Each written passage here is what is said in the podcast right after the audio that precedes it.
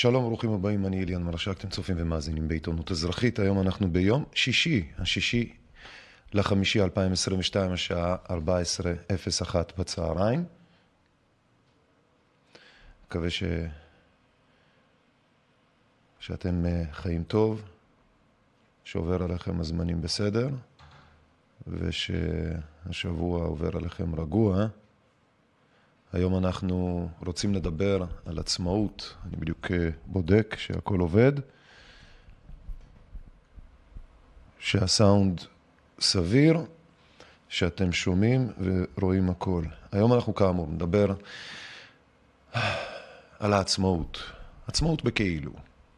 ולמה בכאילו? לא בגלל שאני מחפש איך אה, להיות אה, שלילי, אלא בגלל שלצערי הרב הגרסה שסיפרו לכם ולנו בנוגע ליום העצמאות שלנו, הישראלי, היא גרסה שקרית. היא גרסה אה, מחורטטת. היא גרסה של פנטזיה שפשוט מעולם לא הייתה כאן. היא לא גרסה של מציאות ושל עובדות.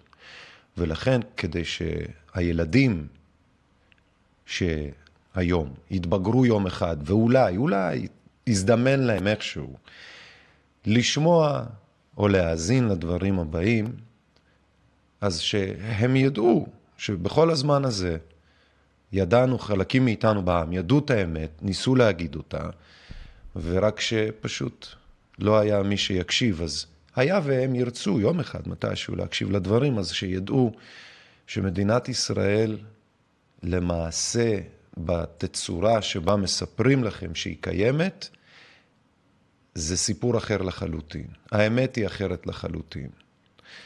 לצורך העניין, יהודית ודמוקרטית, שילוב המונחים האלה, שהוא איננו הגיוני בעליל, זה הרי אוקסימורון מילולי כשלעצמו למי שיבדוק במילון את משמעות המילים, ואז את החיבור הבלתי אפשרי ביניהן, איך הוא קרה, ועל בסיסו רבים מאיתנו חיים באמת בסרט, שמדינת ישראל היא מדינה יהודית ודמוקרטית.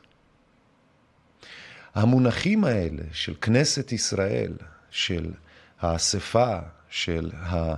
אה, נו, איך זה נקרא? האספה המכוננת, כן? כל מיני דברים כאלה. זה מונחים שנראים או נשמעים יותר נכון כזרוקים שמה איפשהו בשנות ה-40, והיום אנחנו במקום אחר. כן, במקום שבו לא היינו אמורים להיות. אז חבל על הפלסופים, אני אומר, בואו נצלול ישר לעניינים. מדינת ישראל היא איננה מדינה עצמאית. עצמאות זה מונח לא הגיוני לקיומו של אדם, גוף, ארגון, ובכלל אובייקט טבעי, ביולוגי, בין אם צמחי או בין אם יונק אנושי, בשר ודם. עצמאות גורמת לשומע את המילה להאמין ולחשוב, ולו לרגע קט, שאותו הגורם או הארגון או הבן אדם שאומר לך על עצמאותו, נותן נופח כאילו כל הדברים שאותו הבן אדם או הארגון או הגוף עשו, היה לבדם, בזכות עצמם, ומעתה או עד עתה, או כל הזמן הזה, מה שהם עשו היה לבדם בעצמם. הם לא נזקקים לאף אחד, הם לא צריכים אף אחד, הם לא תלויים בשום דבר או באף אחד כדי להתקיים. דהיינו, עצמאיים. אבל מבחינה מאוד פשוטה, כן, כמו כל ילד בתכלס שכמעט מבין את הדברים, אין אדם או גוף יכול להתקיים בכוחות עצמו. אז אם כן, על איזה עצמאות פה בדיוק מדברים? עצמאות מפני מה? וכשמסתכלים אחורה, היסטורית, כן? מגלים שלמעשה העצמאות היא של היהודים. העצמאות היא שלראשונה היהודים כקסטה בעולם, כדת, מקיימים סט מובנים, או אם תרצו, באזור גיאוגרפי ספציפי, הם התאספו כדי לקיים סט מנהגים משלהם, סט תובנות הלכתיות, משפטיות, אה, קהילתיות כאלו ואחרות משלהם. אז על כן, הם חושבים, אנחנו חושבים, שאנחנו עצמאיים. כי פה במדינת ישראל נתאסף לו העם היהודי כדי לקיים לו בית וכלים וחיים. אבל עוד פעם, אז אני אומר לעצמי, אוקיי, רעיון מעניין, רעיון מאוד מעניין. זימברו את היהודים מסביב לעולם, לפי הסיפור, ולכן צריך להציל את היהודים האלה ולתת להם בית ומקום משלהם. אוקיי. 1897, הקונגרס הציוני הראשון, באזל, הרצל, שאלת הבעיה היהודית. מסתבר שלא רק להיטלר הייתה בעיה כזו. והמחשבות הראשונות שעולות על ידי אותו חוזה המדינה, לכאורה, הן בכלל לא קשורות לישראל, כמו להוציא את היהודים מהנראות הזו של השטייטלי המגעיל, זה שסולדים ממנו, ולהביא אותו בתרבויות העולם הנאורות. זה היה החזון הציוני של הרצל, לא מדינה. אלא לעשות סימביוזה, לאחד את ה... לקחת את השוני הזה שיש ליהודי הגלותי, שלא משנה גם אם הוא חילוני, מתבולל, כמו אותו הרצל, עדיין משום מה אומות העולם הנאורות שונאות אותו, סולדות מהיהודי הזה. אז הוא רצה לפתור את זה. מה הבעיה אבל? שזה לא מתכתב עם הנרטיב שסיפרו לנו. לנו סיפרו שרצו למצוא מדינה, שהרצל חלם על פלסטינה. מעת לעת זורקים את הסיפור של אוגנדה, אבל זה רק כדי להזריק אותנו, אשכרה אמרתי את זה, לזרוק אותנו לצד מהסיפור האמיתי, כי הסיפור האמיתי מעולם לא היה מדינה של הרצל. הסיפור שלו היה לנרמל את היהודי, או לקחת את המונח הזה שאז, בשעתו, 1800, סוף 1800, כשהרצל שיחק עם הרעיון הזה, הוא רצה לעשות מודרניזציה ליהדות. הוא רצה שגם העולם וגם היהדות יגיעו לאיזושהי נקודה חדשה בשם המודרנה. הסיפור של ארץ ישראל, כשהוא הגיע לכאן, הרצל. פחות התחבר לו. ומכאן עוד כל מיני רעיונות, כמו אוגנדה וכדומה. משהו בסיפור הזה שישראל היא הבית היהודי, הוא לא אמין. החלק הראשון של הסיפור זה ש... כמו שכתוב במגילת העצמאות, זה שפה הוקמה התרבות היהודית. פה בפלסטינה, באזור הזה של כנען, אם תרצו. זה החלק הראשון. החלק השני אומר שכאן גם זה הבית שלנו, וזה זכותנו הטבעית לחיות פה. ושבמשך גם אלפי שנים ניסינו איך לעשות את זה. עכשיו, החלק הראשון, אה, אפשר להתווכח. אבל יאללה. שיהיה. פה נולדנו. נניח, כן, אני לא באמת חושב ככה, כי יש לזה נגזרות ויש לזה עוד כל מיני התפלספויות קטנות שבאמת תכלס שמסתכלים עליהן לא נולדנו פה, שלא יזיינו לכם את המוח, יש איזשהו חלק רבתי גדול מאוד שבכללו גם נמצאת מצרים ועוד כל מיני, ואם תרצו גם סוריה ולבנון וירדן וזה, אז מה זה שלנו? מה זה פה? כן, המונח הזה פה הוא מאוד מאוד ליקווידי, נוזלי, רחב. ממדים שירושלים, אם תרצו, ישראל עצמה, היא נתון לוויכוח. אבל נניח, ואז הולכים לחלק השני של התיאוריה הזו, שאומרת שפה זה הבית שלנו. והחלק השני של התיאוריה הזו אומר ש... כל הזמן ניסינו לבוא לפה. וכשבודקים את העובדה הזאת, או יותר נכון, את התיאוריה הזו, מגלים שזה קשקוש אחושרמוטה. למעשה, אם זו הייתה אימפריה כאן, כמו שסיפרו לכם ולנו, ואם הייתה כאן חשיבות כלשהי, חוץ מירושלים, אני מתכוון, כן, כי זה מאוד ייחודי ונפרד. אם לצורך העניין ישראל הייתה ירושלים, כן, אז הוויכוח הוא באמת מינימלי על הדיבור הזה עכשיו, אבל ישראל רבתי, כן, כאשר ירושלים היא חלק ממנה, לא היה כזה דיבור. זה לא עניין את התחת של אף אחד.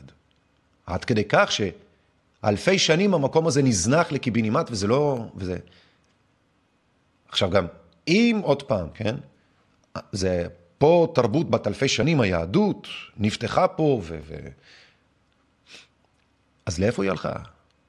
מבחינת האינטרס, עזבו, בסדר, הגלו אותנו, שברו אותנו, כבשו אותנו, אמרו לנו תלכו, תחזרו, עניינים וזה. ניחא, יאללה, הכל בסדר. אבל אלפי שנים היא עמדה פה ריקה, חולמניוקי, לא התעניין פה אף אחד. בסדר, שלטו פה כאמור תמיד אזורים וזה, אבל בתכלס, בתכלס, לא היה פה כלום. אז החלק השני, עם כל הכבוד, יכלו לחזור לפה היהודים כל הזמן, ואלה שבאמת הגיעו, כמו הרצל, סבלו אחושרמוטה עד כדי כך שהם אמרו, תודה רבה, הסיפורים אהבנו אותם יותר מאת הפרקטיקה.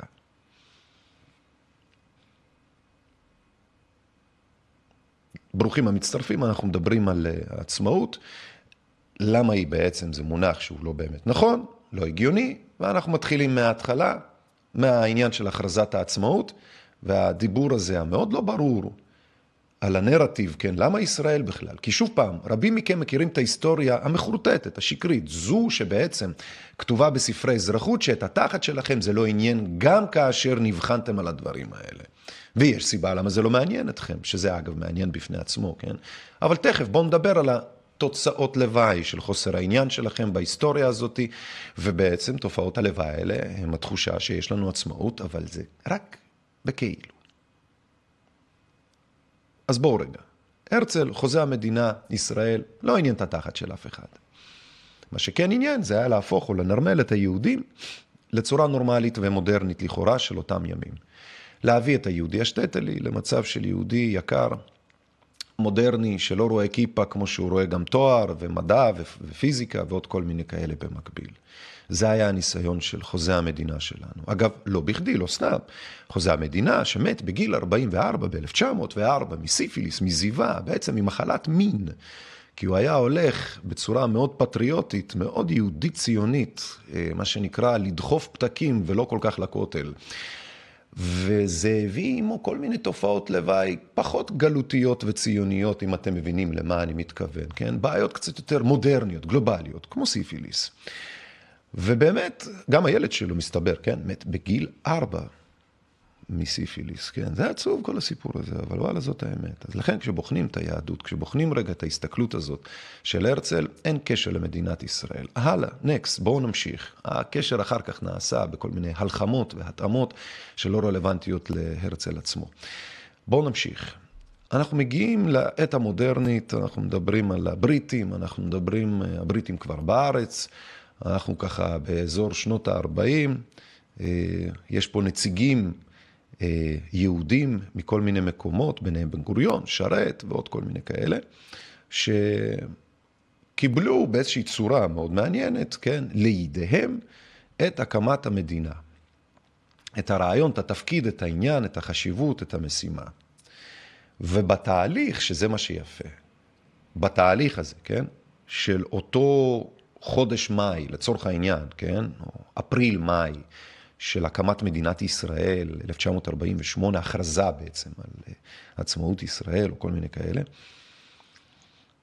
מעניין מאוד שכשמסתכלים על התהליך ובוחנים אותו, רואים בדיוק את מה שאני אומר לכם עכשיו. זאת אומרת, למעשה המשמעות של מה שעכשיו אמרתי היא שרוב האוכלוסייה הישראלית, כמו גם בעולם, שממנה אני לא מצפה ליותר מדי, כן? רוב האוכלוסייה הישראלית איננה יודעת בכלל את הסיפור, או אם תרצו, כן, את הסיפור היבש של מהי אה, עצמאות ישראל. הם לא יודעים, אין להם מושג ירוק. וזה לבדו, אגב, כן, רק מבטא על למה העצמאות שלנו היא בכאילו. היא עד כדי כך דבר לא ברור ולא ידוע לאזרחי ישראל בצורה היבשה של הכרזת העצמאות, ותכף אנחנו נצלול לזה כדי שתראו דברים מדהימים, שרבים מכם, זה מתחת לאף שלכם, מול העיניים, ליטרלי, פשוט נוח לא להסתכל.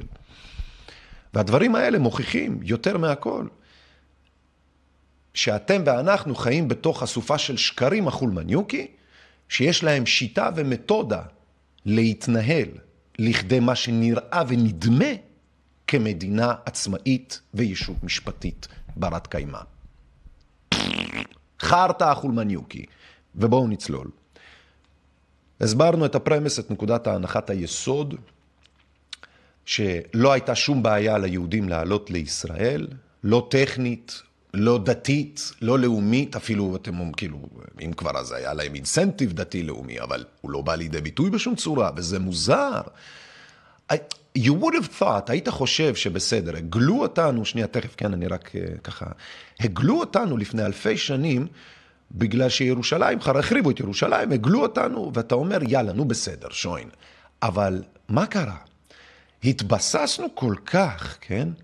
באזורים ההם של הגלות, אם תרצו, אפילו אולי, אני אעז לומר, יותר טוב משהתבססה, כן, מלכות ישראל ויהודה בשעתו עד החורבן, שאנשים לא רצו לעזוב, היה להם טוב.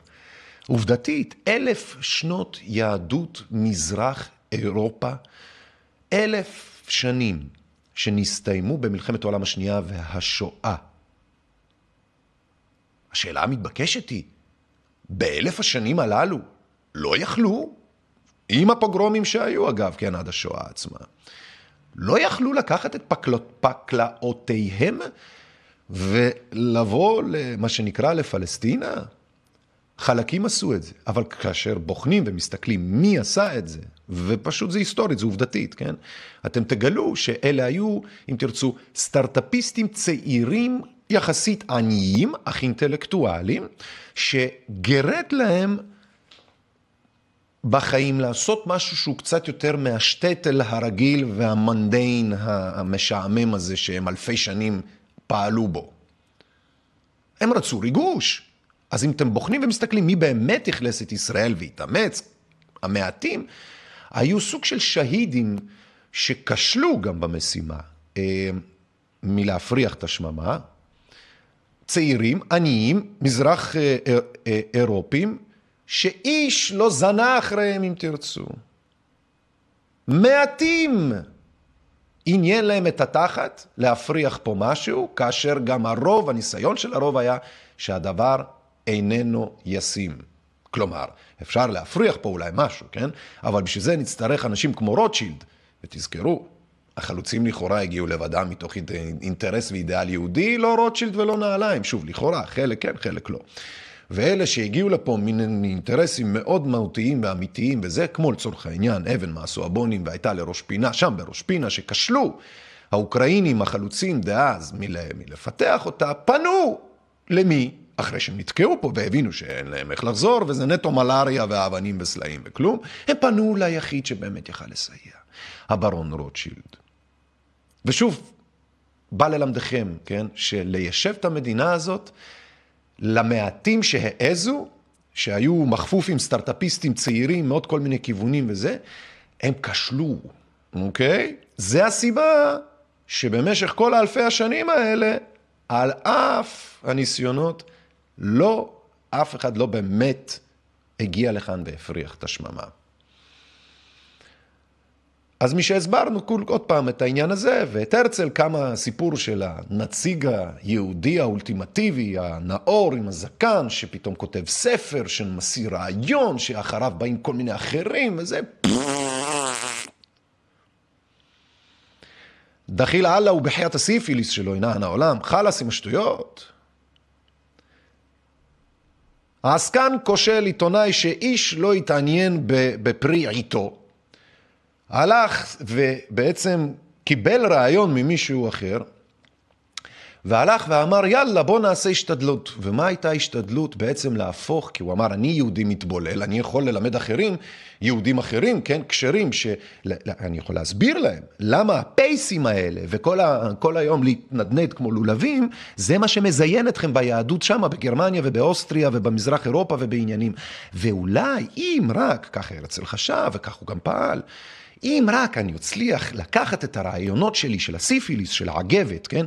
ולתת אותם, לשים אותם על אותם החרדים, אולי הדבר יתשלב בין השניים. או במילים אחרות, אם ניקח את החרדים לבית זונות פעם בשבוע, אולי יחשבו אותם בתור מישהו שהוא אה, זה, ולא בתור איזה מישהו שהוא בא למטה שאפשר לשחוט אותו. זה נשמע לכם מצחיק, אתם אומרים, אני מדבר שטויות, נו, תקראו ספרים, חברים, זה חשוב. אז בואו רגע נגלגל, אחרי שהסברנו שוב פעם שהנחת היסוד היא מחורטטת לגמרי, בואו נגלגל זריז וזה. מיצרי טיראן, המיקום הגיאוגרפי של, אה, של ישראל והאזור, כי תזכרו, מה זה ישראל? אף אחד לא באמת יודע להסביר. אה, כי כל אחד ייתן לכם פירוש, כן, מנהר כזה ועד נהר כזה, מהנהר ועד הים, כולל סיני, כולל אה, הערים שבהם היו גם ערי מקלט, כמו לצורך העניין לבנון ועוד כל מיני כאלה, וזה, גם זה ישראל רבתי, למה לא? יש כל מיני הנחות ותקופות תנכיות כאלו ואחרות, שלפיהם רבנים מזרמים כאלו ואחרים ולאו יכולים להחליט מהי ישראל, ובעצם אין הנחה או החלטה אחת מהי. זה גם חשוב שתגיד, תדעו את זה. תחילת המאה ה-20, ישראל מיקור, מיקוד גיאוגרפי פחות או יותר מאוד אסטרטגי, לא פחות או יותר, אלא מה שלא יהיה זה שתקראו לו ישראל, כן, אה, בין אם הנוכחית או בין אם זו של אה, אה, סיני וכדומה ושל אחרים ותנכיים וזה, ישראל יושבת על מיקום אסטרטגי להובלה של אנרגיה, נפט. מה שבאמצע המאה ה-19 הפך להיות הדבר החשוב ביותר לכל משפחות, ואם תרצו בעצם למודרניזציה העולמית של אותה התקופה, אוקיי?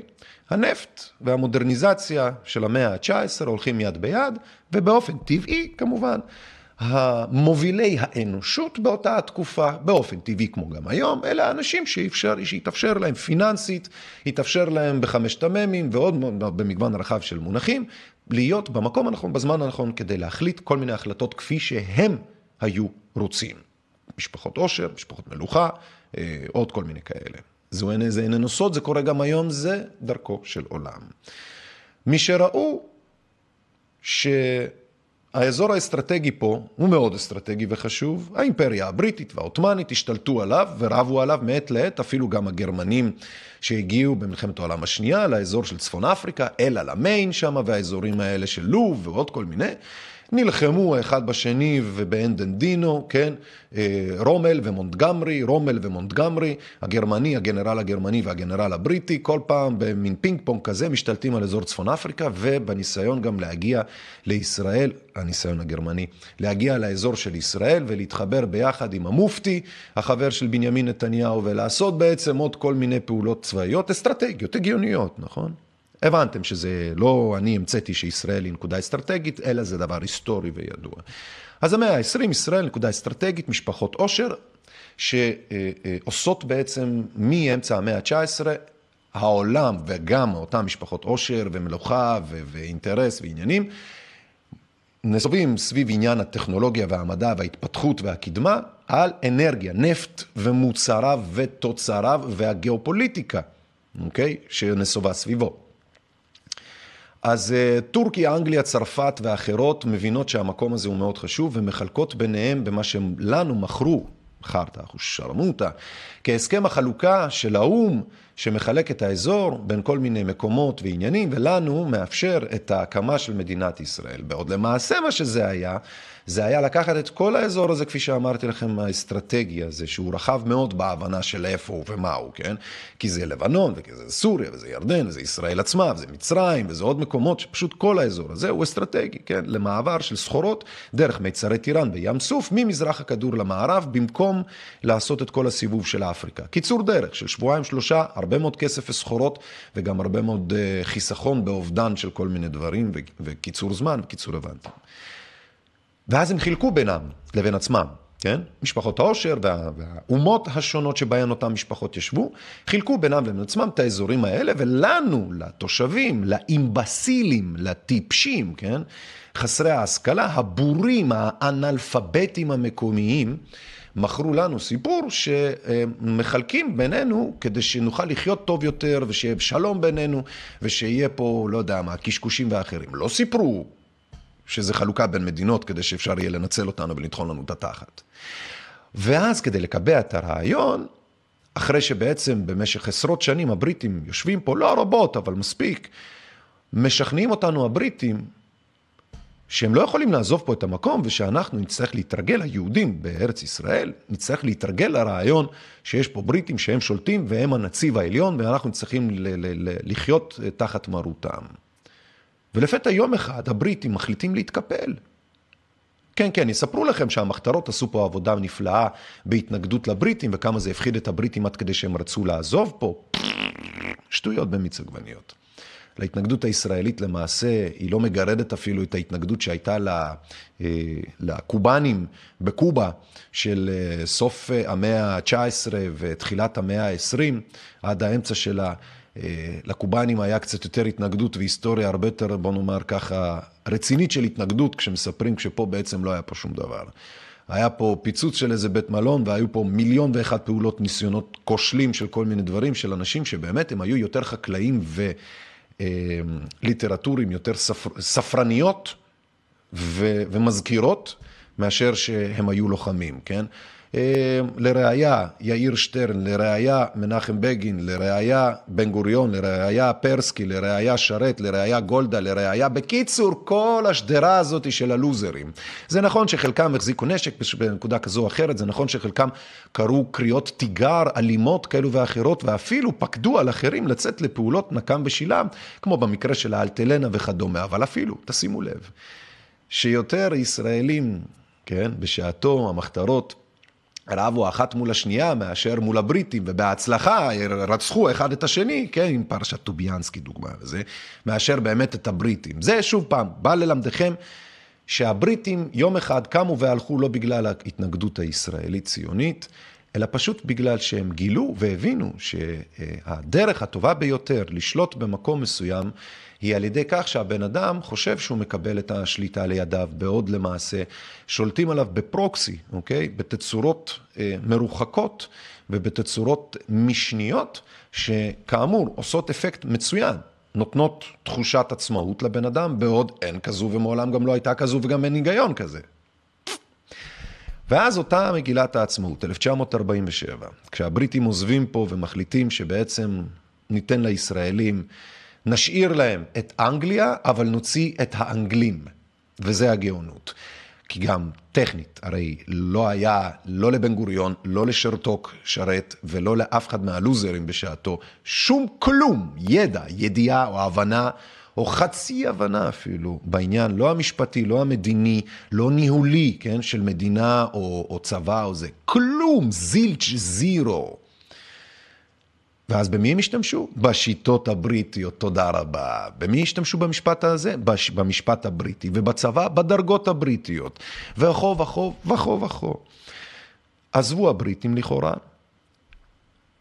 ונשארו, הבריט... והבריטניה נשארה, ובמקומם הגיע בן גוריון ואחרים. שמה משותף בעצם לבן גוריון ולדמויות, שעוד רגע אנחנו נתעכב על הקו דה גרא, על הדובדבן שבקצפת, מה בעצם היה פואנטה באנשים כמו בן גוריון, חיים ויצמן, משה שרת, שרתוק, אה, עוד כל מיני כאלה ואחרים, רוסים, מזרח רוסים אחרים קודמים לשעבר, אה, מזרח רוסים, מזרח אירופאים, אה, רוסים כאלו ואחרים. מה הייתה הפואנטה בעצם, אתם שואלים?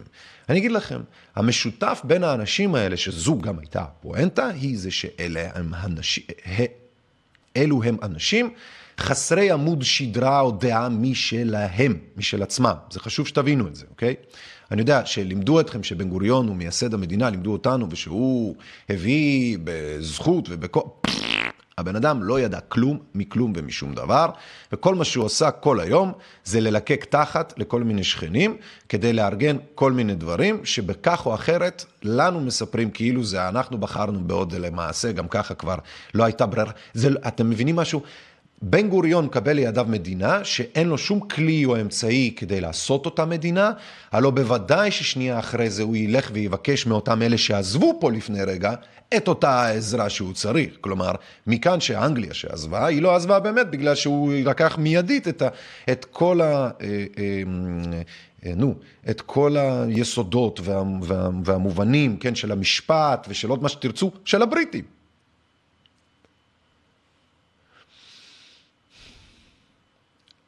וזה הגאונות. שגם משה שרת ואחרים שלכאורה הנהיגו ובנו פה, זה, הם, זה מה שהם היו. הם היו חבורה של סטארט-אפיסטים שקנו אותם, ובעוד למעשה נותרו במקומם בתפקידיהם ובזה, מישהו אחר הוא בעל הבית. קנו אותם. ואיך רואים את זה? הכרזת העצמאות של מדינת ישראל התקיימה ביום שישי ה' באייר תש"ח, 14 במאי 48, בעיר תל אביב. בשדרות רוטשילד 16. כבר העניין של שדרות רוטשילד כבר מחשיד אותי, ולו במעט, אבל נו, לך תדע, אולי באמת שם זה היה המקומות היחידים שבהם היו מקומות רציניים לאכלס כאלה אירועים מצד אחד. מצד שני, למה למקום היחידי או הגדול או העיקרי או הראשי מבין הבודדים שהיו במדינה קטנה כזו כמו תל אביב, למה במקרה קוראים לזה רוטשילד? זה מעניין, למה כל הרחובות הראשיים בכל המדינות, סליחה, בכל המדינות, אני אומר, כל הערים הגדולות במדינת ישראל, הרחוב מה, מהראשיים ומהזה הוא רוטשילד. זה מעניין כשלעצמו, אגב, תחשבו על זה, וזה לא סתם. סתם, זה לא בגלל שהוא היה כזה נדבן, כמו שהוא זה שהוא בעל הבית והשומץ. וזה בדיוק מה שחשוב שתבינו. אז כאמור, רחוב רוטשילד 16, טקס שהתקיים בהתאם להחלטת מנהלת העם, כשמונה שעות לפני סיום המנדט הבריטי. בהתאם להחלטת החלוקה של עצרת האו"ם מכ"ט בנובמבר, מ-29 בנובמבר, אוקיי? 1947. אין דבר כזה כ"ט בנובמבר, אני מבקש מכם. זה או נובמבר, אוקיי? או כ"ט ב... לא יודע איזה חודש זה היה, אה, אה, מה זה היה, אה, מה לפני אייר מגיע, שכחתי. שבט? אייר, שבט, אייר, לא זוכר, אייר, שבט, לא זוכר. אתם מבינים, כן? נובמבר 47, הכריז ישוב זה, יושב ראש מנהלת העם דוד בן גוריון על הקמת מדינת ישראל, ונחתמה מגילת העצמאות. ומאז חוגגת מדינת ישראל מדי שנה, בתאריך עברי זה, או בסמוך לו, את יום העצמאות. אוקיי, בואו נראה רגע. בואו נראה רגע. מגילת העצמאות היא המסמך המכריז על הקמתה של מדינת ישראל, וזה מעניין, זה מדהים, כי כשאתם קוראים את זה ושומעים את זה, אתם אומרים לעצמכם, טוב, מה הוא חופר? אנחנו מכירים את כל זה. לא, אתם לא. אתם מעולם לא קראתם את זה. תיכנסו ותקראו, באימא שלי, אתם תופתעו לראות, אולי בעיניים חדשות, ואולי בעיניים קצת יותר מטילות ספק, בהבנה של מה מדינת ישראל יכולה לעשות לאזרחים שלה, כמו כל מדינה אחרת, ומכאן גם, האם באמת יכל להיות לנו עצמאות? האם הם היו מסתכנים בכזה דבר? התשובה היא, לא. כמו שאתם רואים בעובדה, במציאות. אה, דוד בן גוריון, טקס הכרזה, בלה בלה, בשעה ארבע אחר הצהריים, שמונה שעות לפני סיום המנדט הבריטי. המגילה מורכבת מסקירה היסטורית של זכותו של העם היהודי על ארץ ישראל ושל הדרך שהובילה להכרזת המדינה. אוקיי, ועל זה התעכבנו, והסברנו לכם שמה שבעצם נאמר בהכרזה זה, זה שטויות אחושרמוטה, אוקיי? רגע, בואו נראה. בואו נראה. אה, רגע, נו. מגילת העצמאות. בואו נכתוב רגע. תמיד אפשר לעשות דברים כאלה קצר יותר, אבל משהו בדרך עושה את זה יותר רציני. מגילת העצמאות. בארץ ישראל קם העם היהודי. בה עוצבה דמותו הרוחנית, הדתית והמדינית. בה חי, חי חיי קוממיות ממלכתית, בה יצר נכסי תרבות לאומיים וכלל אנושיים והוריש לעולם כולו את ספר הספרים הנצחי. אוקיי, אתם מוכנים לזה? בארץ ישראל קם העם היהודי. לא. העם היהודי קם במצרים, אוקיי? אם כבר. או בסוריה, אם אתם מחשיבים את אברהם אבינו לצורך העניין, כן? או בעבר הירדן, אם תרצו, אוקיי? אז כבר fake news. בארץ ישראל לא קם העם היהודי, למעשה בארץ ישראל, ארץ כנען, כאשר 12 המרגלים נכנסו לכאן כדי לראות מה קורה כאן, כן, אחרי שאברהם אבינו רק עבר פה באזור, מה שנקרא, כן, הם ראו פה דברים שהפחידו אותם מאוד, שהיו אמיתיים, ובגלל שהמרגלים אמרו את האמת, תשימו לב, עשרה מרגלים מתוך 12 אמרו את האמת, הם נענשו. והשניים היחידים, כן, שחרטטו ספרותית, שהעזו לחרטט, כן, איכשהו קיבלו קרדיט אחושרמוטה, כלב בן יפונה ובן גמלה שם, או איך שלא קוראים לו שם. כלב בן יפונה ו... ו... כלב בן יפונה ויהושע בן נון? לא, מה יהושע בן נון? יהושע, אני כבר לא זוכר, סורי. קיצור, ארץ ישראל קמה יהודי בה עוצבה דמותו הרוחנית, הדתית והמדינית. לא. למעשה, כל העיצוב הזה קרה בדרך לישראל, אוקיי? בישראל, בהיסטוריה התנ"כית, המקום הזה שבו אנחנו נמצאים, אנחנו רק עברנו, אוקיי? רק עברנו מעת לעת. לאיפה? למצרים ולמקומות אחרים שהיו פופולריים, כי פה זה היה פשוט חלבס חמנין, שכבוש על ידי כל מיני פלישתים, יבוסים, גרגשים, אני יודע מי, לא קשור אלינו. נקסט. אה, חי חיי קוממיות ממלכתית בה יצר נכסי תרבות לאומיים וכלל אנושיים. לא אומר כלום לאף אחד שום דבר, תסלחו לי. לא אמפירי, לא מדיד, לא יודע על מה הוא מדבר. זין את המוח. לאחר שהוגלה, פסקה שנייה, לאחר שהוגלה העם מארצו בכוח הזרוע, שמר לה אמונים בכל ארצות פזורה, ולא חדל מתפילה ומתקווה לשוב לארצו ולחדש בתוכה את חירותו המדינית. חרטא אחושרמוטה. רצה, אילו היה רוצה, היה חוזר. עד כדי כך שלא היה פה כלום, שמי שכן כבר אמרתי לכם שבא, אמר מה זה המקום המסריח והמגעיל והכושל הזה. היחידים שלמעשה עשו פה משהו, היו משפחות העושר שהבינו את החשיבות האסטרטגית גיאוגרפית של ה-piece of crap הזה כאן.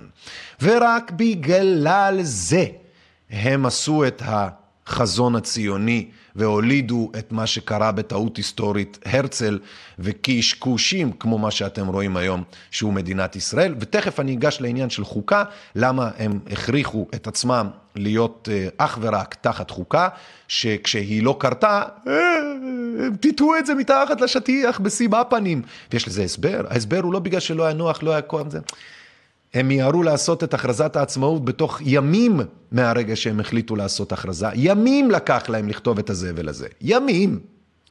פח אשפה כזה לא ראיתי בחיים שלי. זה פח אשפה שמושאל משלוש קונסטיטוציות, חוקות שונות, ואף אחת מהן למעשה לא יצרה את החוקה הישראלית, שזה מדהים, נכון? היא בכלל לא ישראלי, הקונטקסט, ה-layout של הדבר הזה. תקראו, לא קראתם אף פעם על מגילת העצמאות. הם השאילו את כל הזבל הזה, שמו מלא סיסמאות נבובות חסרות תוכן, כי לא היה להם זמן, כמו מצות, לא הספיק, לתפוח, לא הספיק לטפוח ללחם. אז מה אתם אוכלים? מצות ויומת, לא לחם. ואז זה מה שקרה פה. בואו נמשיך.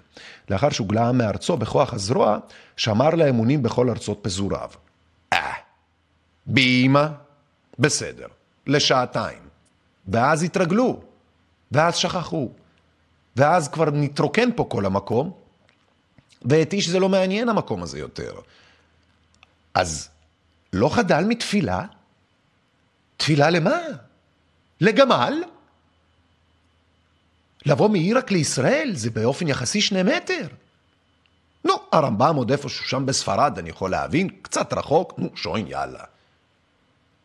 הם לא רצו לבוא לפה. לא חדל מתפילה, למה אתה מתפלל? תעלה על גמל. ומתקווה לשוב לארצו ולחדש בתוכה את חירותו המדינית. מה, יעני, מה שאתה אומר בעצם זה שהוא היה כבול במדינות שבהן הוא היה נמצא? הרי תבינו את האבסורד, זה ידוע ומוכר שהאנטישמיות כלפי היהודים בגרמניה הנאצית קרתה בגלל שהיה קנאה של כאלו ואחרים כלפי היהודי ששלט והיה בכיסאות מאוד רמים וגבוהים בשלטון הגרמני, פולני, במהלך אלפי שנים או אלף שנה או מה שתרצו. דה מדיצ'יז, איטליה, הבנקאים, יהודים, מצליחים, אחו שרמוטה. רוטשילדים? לא, הם לא יהודים בכלל. על איזה סיפורים אתם מספרים לי? מי קילל, מי פיסס, מי, מי פילל ומי אה, כיסף לבוא לפה? זה לא עניין להם את התחת. חירותו המדיני, רוטשילד היה עם חירות מלאה בצרפת, באנגליה, בארגנטינה, בכל המדינות שבהן המשפחה שלו התפזרה אליהם כדי לשלוט בעולם. הייתה לו חירות כל כך גדולה למעשה, שהוא לא היה צריך לגור פה. הוא היה רק צריך לקנות את הסתומים שהעזו לבוא לכאן. בואו נמשיך, אנחנו מפרקים את הבלוף של מגילת העצמאות פשוט, שתבינו את החרטא שאתם גרים בו, חיים בו. לא חדל מתפילה. בתחת שלי, נו. בפסקה שלישית, מתוך קשר היסטורי ומסורתי זה, חתרו היהודים בכל דור לשוב ולהיאחז במולדתם העתיקה. נו בליופ תביום. איזה חרטא אחו שרמוטה. לפני רגע הסברתי לכם, זה חרטא אחו שרמוטה. שקר החולמניוקי. ובדורות האחרונים שבו לארצם בהמונים וחלוצים, מעפילים ומגנים, הפריחו נשמות, החיו שפתם העברית, בנו כפרים וערים והקימו יישוב גדל והולך, השליט על משקו ותרבותו, שוחר שלום ומגן על עצמו. מביא ברכת הקדמה לכל תושבי הארץ ונושא נפשו לעצמאות ממלכתית. סליחה שאני שואל. הפסקה, לפני שאני הולך להתחלה שלה, מסתיימת בנושא נפשו לעצמאות ממלכתית. במילים אחרות, פחות פלצניות, כן? מתפלל שתהיה לו עצמאות. אתה מכריז פה על העצמאות. מה, אתה מטומטם? לא הבנתי. אתה מספר שעכשיו אנחנו בזה. אתה מספר לי בעצם את הפרמיס, כן? שאנחנו רצינו לבוא לפה, התפללנו לבוא לפה, ו... ובפסקה השלישית אתה אומר שאת העובדתי, שזה בעצם אותם ימים של הכרזת הזה, שהיהודים חתרו לשוב ולהאחז, אה, ובדורות האחרונים, זה עם ו', ובדורות האחרונים, שבו לארצם בהמוניהם, בהמונים וחלוצים, מעפילים ומגנים, בלה בלה, כן? בלה בלה, בלה בלה, בלה בלה, בנו כפרים וערים והקימו, בלה בלה, שוחר שלום ומגן על עצמו, מביא ברכת הקדמה ונושא נפשו, זאת אומרת באופן אקטיבי, present progressive, בזמן, בזמן ההקראה של מגילת העצמאות, הוא מתייחס לאנשים של אותו הדור, של אותו היום של הזה, שהם עדיין מתפללים, נושאים נפשם לעצמאות ממלכתית? לא אמין. אוקיי, ממש לא אמין. אמ, החיו שפתם העברית. אוקיי, קרה. בנו כפרים וערים, קרה. והקימו יישוב גדל והולך, השליט על משקו ותרבותו. לא קרה. שוחר שלום ומגן על עצמו, לא קרה, מביא ברכת הקדמה לכל תושבי הארץ ונושא נפשו. חלקית קרה, או קורה, כן? זאת אומרת, המשפטים פה הם יותר תפילה לדברים שהם פנטזיונים, אוקיי? פנטזיונים. קשר היסטורי מסורתי זה חתרו היהודים בכל, אם הם באמת היו חותרים בכל דור ודור לשוב, עד 48' לא היה פה גרוש ורבע של יהודים. היינו פה כבר במיליונים. אתה מבין מה לא הגיוני פה, יא בן גוריון? בואו נמשיך, פסקה רביעית. בשנת תרנ"ז 897 נתכנס הקונגרס הציוני לכל קריאתו של הוגה חזון המדינה היהודית. המדינה היהודית, לא ארץ ישראל, חשוב להבין, וזה הבדל מהותי, ואת זה הם לא יגידו פה כי זאת האמת, ולמה להתעכב עליה. אמ, תיאודור הרצל הכריז על זכות העם היהודי לתקומה לאומית בארצו. אבל הוא לא אמר איזו ארץ, וחשוב לא רק זה שהוא לא אמר באיזה ארץ, הארץ שהוא אמר, חלק ממנה זה אוגנדה, גורם לי לתהות, למה לא היה לו אכפת כאילו איפה? כי מבחינתו, כמו שאמרתי מקודם, הבית, הבעיה הייתה לא מיקום גיאוגרפי, כי היהודים הסתדרו, והוא יודע את זה עובדתית, הרצל ואחרים, שיהודים מסתדרים יופי, כמו גם רוטשילד ואחרים, במדינות הפזורה, מסתדרות מצוין. רק מה הפריע דבר אחד קטן? היהודים שנתקעו בשטטל, נתקעו עם הסממנים של פעם, אז הוא רק רצה לעשות את החיבור של הפער הזה. ארץ, לא עניין אותו באיזה ארץ. עניין אותו שיהיה איפשהו מקום, לא מקום, סליחה, אה, אה, איזושהי שפה משותפת, יותר נכון, בין היהודי הגלותי למודרני. אה, אז לכן הפסקה הזאת נותנת, היא fake news, היא נותנת בעצם תחושה כאילו הרצל התכוון לישראל, וזה לא נכון. זכות זו הוכרה בהצהרת בלפור מיום ב' בנובמבר 1917 ואושרה במנדט מטעם חבר הלאומים. יש פה שקר. בן גוריון נשאל, והוא גם ענה, שאנחנו לא צריכים את ההחלטה של חבר הלאומים על ההקמה. היא רק אשרור או חיזוק למה שהיה או ידוע או קורה ממילא מבחינתו, שהיא הקמת היהודים, המדינה היהודית. אז למה צריך אישור? ולמה צריך to constitute it, למה צריך לציין את זה במגילת העצמאות, אם אתה בכלל מראש לא מאמין או לא שומע, או בכלל חושב שזה בכלל היה אחרת לגמרי. אתה כל כך עצמאי שאתה צריך אישור, וכשאתה גם צריך לכתוב את זה, כן, התגובה, התשובה היחידה שלך ללמה כתבת אם אתה עצמאי? אה, נו, כי ממילא היה, כי גם ככה אנחנו עצמאים, והיה צריך לעשות את התהליך, אבל לא היה מכור מראש, אז כתבנו רק כדי שיהיה כתוב. הרי אני לא מבין את זה, אז או שאתה עצמאי או שאתה לא עצמאי, כפרה עליך. אושרה במנדט עם חבר הלאומים. מי צריך אישור? אני לא מבין. אשר נתן במיוחד תוקף בינלאומי לקשר ההיסטורי שבין העם היהודי לבין ארץ ישראל ולזכות העם היהודי להקים מחדש את ביתו הלאומי. וואו, איזה פלסוף אח ושרמוטה.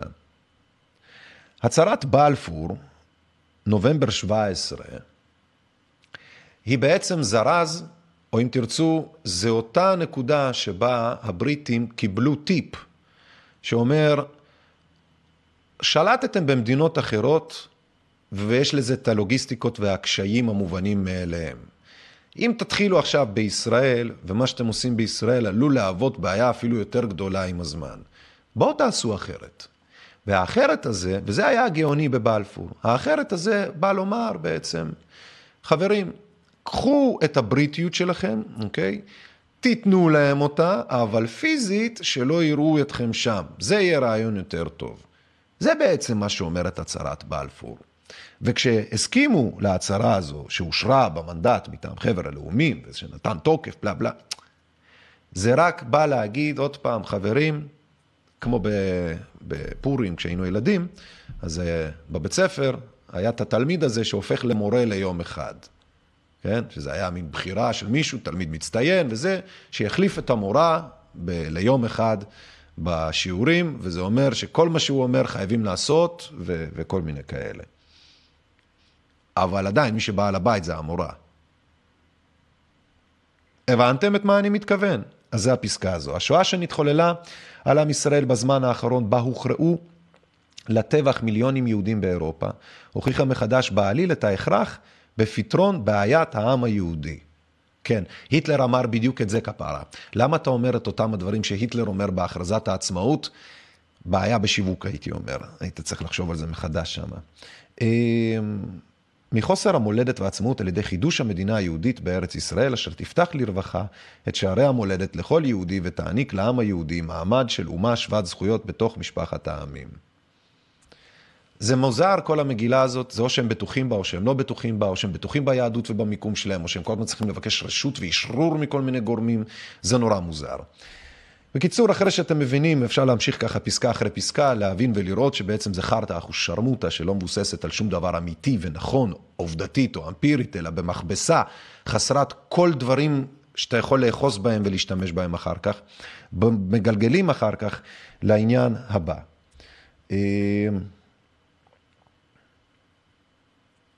כן.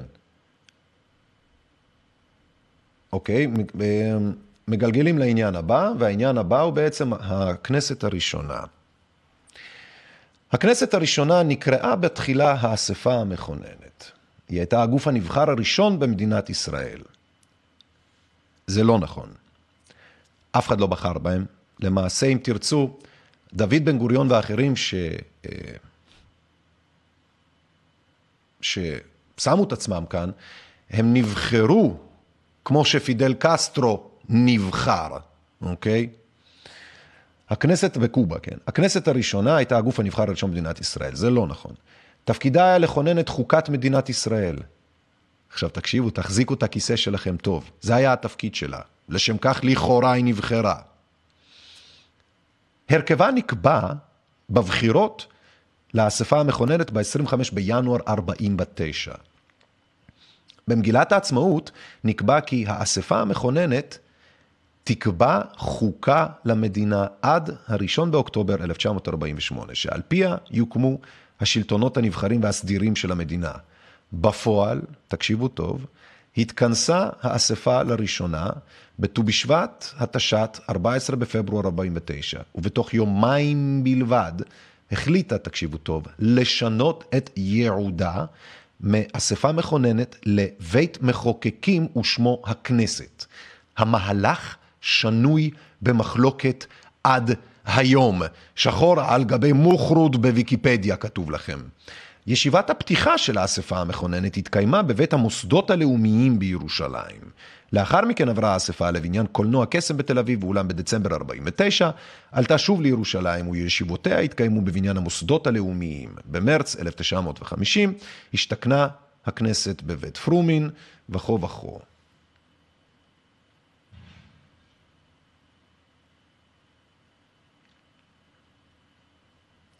התנועה הציונית קיבלה את התוכנית של החלוקה של 29 בנובמבר 47, והחלה בהקמת המוסדות הזמניים ובתכנון המערך החוקתי של המדינה שבדרך. הוקמה ועדת המצב שהחלה בהכנת הקמתו של מנגנון המדינה שעתידה לקום.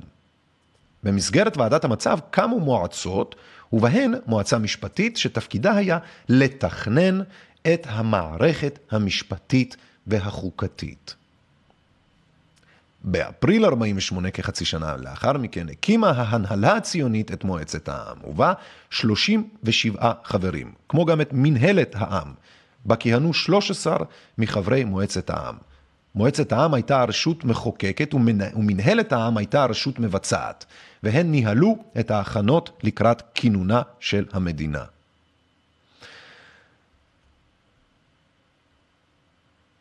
ב-14 במאי 48 התכנסה בפעם האחרונה מועצת העם לישיבה שבה הכריז יושב ראש מנהלת העם דוד בן גוריון על הקמת מדינת, מדינה יהודית בארץ ישראל, היא מדינת ישראל. מועצת העם הפכה למוע... למועצת המדינה הזמנית ומנהלת העם הפכה לממשלה הזמנית. המועצה החלה בהכנות לבחירות לאספה המכוננת ובין היתר חוקקה חוקי בחירות ומינתה ועדת בחירות מרכזית. בעצם היא עשתה עבודה לא חוקית. היא לא היה לה שום מנדט עד אה, תקנון חוקה, מי שלא נתקיימה חוקה, אין לה שום מנדט. ולמרות זאת, מה שהם עשו היה מחטף ידוע מראש, כי אתה בונה בלוף, ואתה לא יכול לבלוף לתת לו נשמה, אחרת הוא יקום לתחייה עליך. ונשמה זה חוקה. חוקה זה גם תקנון של זכויות לאזרחים שעולה על הזכות של המדינה. כלומר, בארצות הברית, כי הם נתקו את הדוגמה מהחוקה האמריקאית. והחוקה האמריקאית אומרת שלאזרח יש זכות להגן על עצמו גם בנשק מפני עריצות שלטונית. כלומר, לאזרח יש זכות, בחוקה השנייה, הסעיף השני, חוקה אמריקאית, אומר, אתה יכול להתמגן בנשק כדי שאם היה ויום אחד יהיה עריצות שלטונית, אתה תוכל להתמגן מפני אותה עריצות שלטונית בעזרת אותו הנשק. ברור שבמדינת ישראל הם לא היו עושים חוקה כזאת. ברור שלתקנן חוקה כזאת למדינת ישראל בהכרח היה מייצר או מסרס את הכוח של אותה מועצת עם זמנית, או יותר, יותר מזה אם תרצו, בפשטות. חוקה משמעותה פיטורין לכל הליצנים הלוזרים שהקימו את המדינה הזו. אתם איתי? חוקה אומרת בהכרח שגם אם לא באותו השנה, גם אם לא באותו עשור, אבל בהכרח ההתגלגלות והתוצאת הלוואי תהיה כזו שלא תאפשר את האחיזה של כל אותם המשפחות עושר, אתם זוכרים שהן אלה שהחלו את זה, של המשפחות עושר, משפחות המלוכה והשלטונות, שליטים, תאגידים או מי שזה לא יהיה, בחו"ל או בארץ, ששולטים על האזור האסטרטגי להולכת הנפט וריכוזו וזיקוקו באזור הזה פה. זה היה סותר. חוקה הייתה מוציאה את היכולת התאגידית מלנצל או מלעשות את מה שבאמת בשבילה הקימו את המקום המדרוב הזה. עצמאות אין לכם, מעולם לא הייתה כזו. לא הייתה כוונה כזו, לא היה רצון כזה. כשבוחנים את הטקסט, כשבוחנים את השתלשלות האירועים, כשבוחנים את הדמויות ששמו לכם ולנו, מול העיניים ומסתכלים על החיים הפרטיים שלהם, איך הם נוהלו, על האידיאולוגיות שלהם ועל החיבורים בין הרצל ואז כרונולוגית לבן גוריון והלכה למעשה על התוצאה שבה אנחנו חיים כיום, לא רק שאין שום קשר בין ההתחלה, האמצע, לבין איפה שאנחנו נמצאים היום, אלא גם אין שום ערכים ששומרים עליכם, האזרחים, או על התוכן המדיני. מפני השתלטות עוינת תאגידית, כפי שקרתה למן הרגע הראשון שמדינת ישראל הוקמה. או אם תרצו, ברגע שהחלטנו לשתף פעולה עם הבריטים במשחקי הנדמה לי האלה, של הבריטים יוצאים מישראל, ואז במקומם תופסים חבורת פרטיזנים ליצנים את הנקודה הכי אסטרטגית לכל האימפריות בשעתו, כן?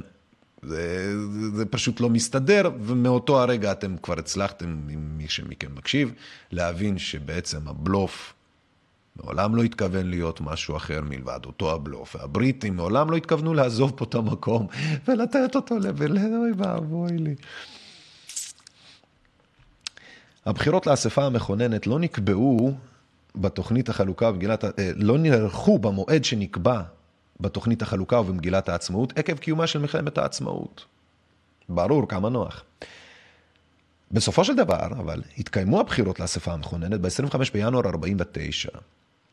בבחירות זכתו, זכו מפלגות כאלו ואחרות, אבל החוקה מעולם לא נכתבה או לא נתקיימה. זהו, אנחנו בעצם יכולים להגיד לכם בצורה חד משמעית שהסיבה שאתם ואנחנו פה, היא זה שאתם ואנחנו, לא משנה עדות, מיקומים בעיר או כל מיני כאלה, אתם ואנחנו נועדנו להיות אסופה של עובדים אוקיי? שמתפעלים את הנקודה האסטרטגית ביותר, אז בכל מקרה, אולי גם היום, להולכה, ריכוז והובלה של תעשיות אנרגיה, נפט, וכמובן בתורם עוד כל מיני דברים שעם הזמן, עם ההיסטוריה, אה, התפתחו להם. הייטק, סמי קונדקטור צ'יפים, כאילו אה, שבבים אה, מוליכים מחצה וכל מיני כאלה. אבל בעיקר ההון האנושי של עבדים שלפני שנייה גם החריבו להם את האלף שנים האלה. גם כמה נוח זה, נכון? Problem Reaction Solution, בעיה, אה, אה, נו, בעיה, תגובה, פתרון. אלף שנה לא הצליחו להוציא את היהודים לבוא לפה. אף אחד לא עניין אותו המקום הזה. כבר ב-1897, כשהרצל היה פה, אה, לא ב-1897, כשהרצל היה פה, הוא בא ואמר כאילו זה זבל של מקום, חרא של מקום, היה ברור לאנשים שהובילו את הקו של לאכלס את המדינה הזאת כדי שהם יוכלו לשלוט בה. שוב, אם אנחנו נבנה מה שנדמה כמו מדינה, אנחנו בעצם שולטים בנקודה אסטרטגית. אתם מבינים את ההבדל? אתם מבינים את העניין? אני לא יודע אם אני מצליח להסביר את עצמי, כי אני מרגיש שאולי טיפה אני מסתבך. הרצל נפל ב... כאילו, הוא אמר, אוקיי, יש בעיה, יש זה, עניין, בוא נפתור את זה, אבל זה לא המדינה כמו היהודי. אבל זה לא התאים לנרטיב של הרוטשילדים, של כל מיני כאלה שהם צריכים את ישראל ספציפית. הלו, אל תבריח אותם מישראל. ולאט לאט, או מהר מהר, השואה שימשה בעצם ככלי, ככלי מדהים והראשון במעלה. השמדת היהודים הייתה הדבר הטוב ביותר שקרה למשפחת רוטשילד, אוקיי? בהיבט הזה שכאשר אותם היהודים נדדו לכאן כתוצאה מאותה השמדה, או יותר נכון לא נדדו, רבים מהם ברחו, לא רצו לבוא לפה אפילו, אלא הביאו אותם לכאן, כן? אמ, זה היה הדבר שהציל את אותם התאגידים ואת אותם המשפחות. כל אותם הפראיירים הרוסים, האוקראינים, הקלחוזניקי שהגיעו לפה כמעפילים או ככל מיני כאלה, הם היו מה שנקרא מין טפטוף ראשוני כזה חמוד, כן? שככה ניסה להתחיל את העניינים. אבל בעיקר מי שהביאו את הבומבה זה היו ניצולי השואה, ואלה שמעולם לא היו עוזבים את פולין, לא משנה כל זיון השכל על ישראל וכל החרטוטים של מגילת העצמאות שלא באו לידי ביטוי בפועל במציאות. זה לא היה עובד אלמלא השואה. השואה הייתה זרז מצוין בשביל אותם הרוטשילדים. ולצערי הרב, זה מה שאתם ואנחנו, אסופה של עבדים שנזרקו לכאן, הובאו לכאן, מעטים אם בכלל הגיעו לכאן מרצון, ובאמת עד היום זה מה שאתם ואנחנו עושים. מכלכלים תאגידים בעטיפה של דגל חסר תוכן, חסר חוקה, חסר כוח, חסר יכולת, חסר עצמאות, חסר דיור, ניצולי שואה רעבים, אזרחים עניים חסרי בית בעם היהודי. כמה כבר יש מאיתנו? תשע מיליון זאת בדיחה. מי ישמע גדלנו למאה מיליון, אז קשה לכלכל מאה מיליון אנשים, עוד איכשהו אתה יכול להבין אחוז מסוים של עניים. תשעה מיליון ואנחנו חיים כפח אשפה. קיימים שתי דקות, לפי מודלים מודרניים, העלק, כן? רואים כל מיני אה, אה, פומפוזיות ואידיאולוגיות שבתכלס שפורטים אותן ומסתכלים בעבר, הווה ובעתיד, שום דבר מזה לא באמת מתקיים, זה חרטא. דוגמה אחרונה, לפני שאני אה, מסיים את החפירה, רוסיה ואוקראינה, מזיינות את המוח האחת, כל אחד כלפי עצמו לתוך העם שלו, שהם גיבורים, הם זה, הם זה.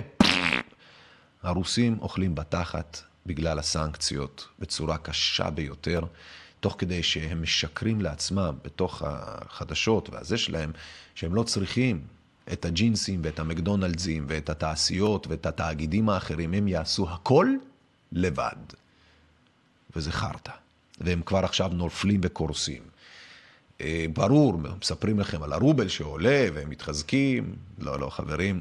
מומיות, גם אני יודע לעשות. מומיה זאת גופה, יפה מאוד, נראית בחיים, אבל עדיין מתה. וזה בדיוק מה שזה. מומיה רוסית יפה. וזה בדיוק מה שאתם ואנחנו חיים בו. מומיה יהודית ישראלית, שבתוכה גם זה היהודי, יהודה וישראל, שהיו שבטים ניצים אלו לאלו. בוויכוח על שם המדינה, איך היא תיקרא, ציון, עבר, ישראל, עוד כל מיני, נתגלו ויכוחים. ישראל, יהודה לא, כי יש גם את הישראל, ואז אתה מגלה שבעצם הם לא רצו לקרוא, לא רצו להחליט כלום, הם לא רצו להחליט כלום, כדי לא להעליב אף אחד, כדי לשמור על הזדמנות ועל ספר פתוח, על ראש פתוח. אמיתי, ככה גם עם החוקה, ככה גם עם כל החוקים.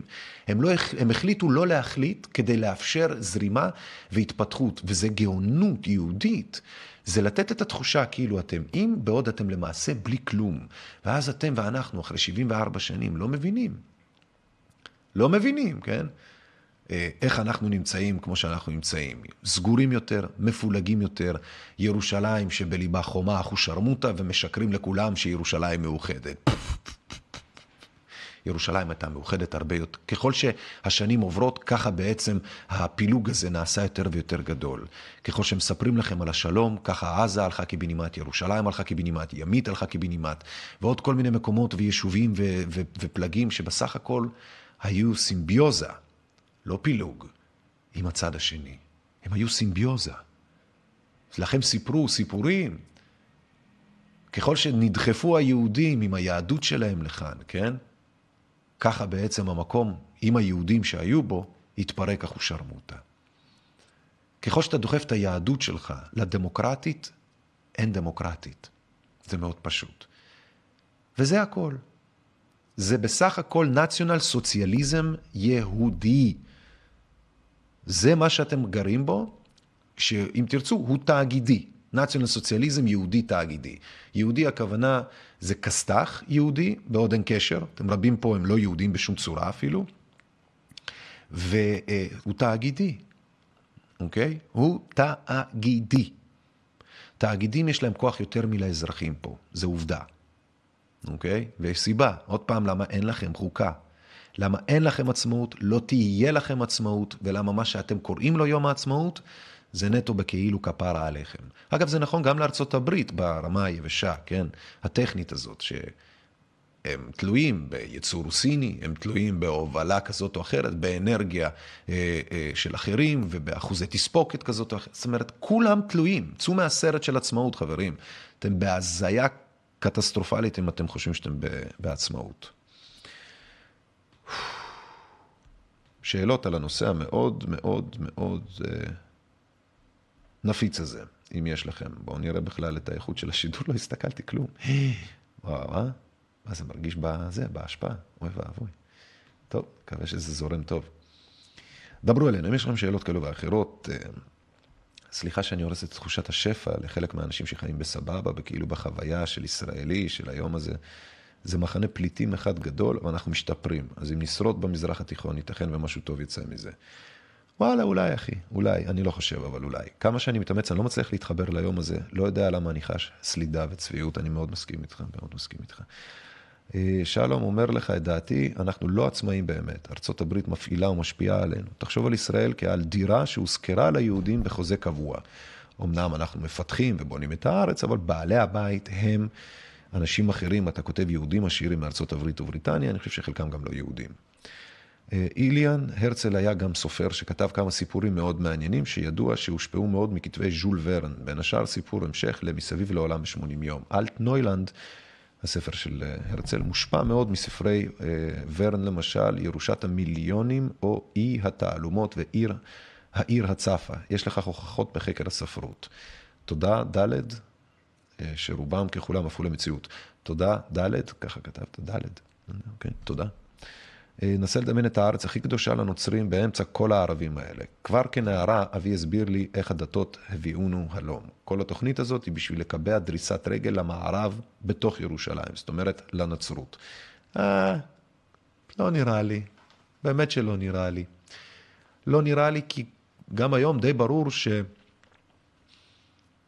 שלישראל אין שום בעלות על ירושלים. אתם קולטים שהרי כל המנזרים, כנסיות, אה, אה, מסגדים, או אם תרצו במילה אחת, ההקדשים, הם לא בבעלות ישראלית. אם ישראל תעשה לא עלינו משהו בכנסייה הרוסית הזאת, שנמצאת איפה שזה לא יהיה שם, בעין כרם או מה שזה לא יהיה, כן? זה יפתח מלחמה ישירה עם רוסיה, כי מבחינת רוסיה זה שלה. זה יושב בירושלים, אבל זה לא שלנו. ואתם אומרים לי על עצמאות? עצמאות. הנה אני פה, תנעים את הגידולים והניקיונות של שבת, ניקיונות, שיהיה שידור מוצלח, תודה רבה.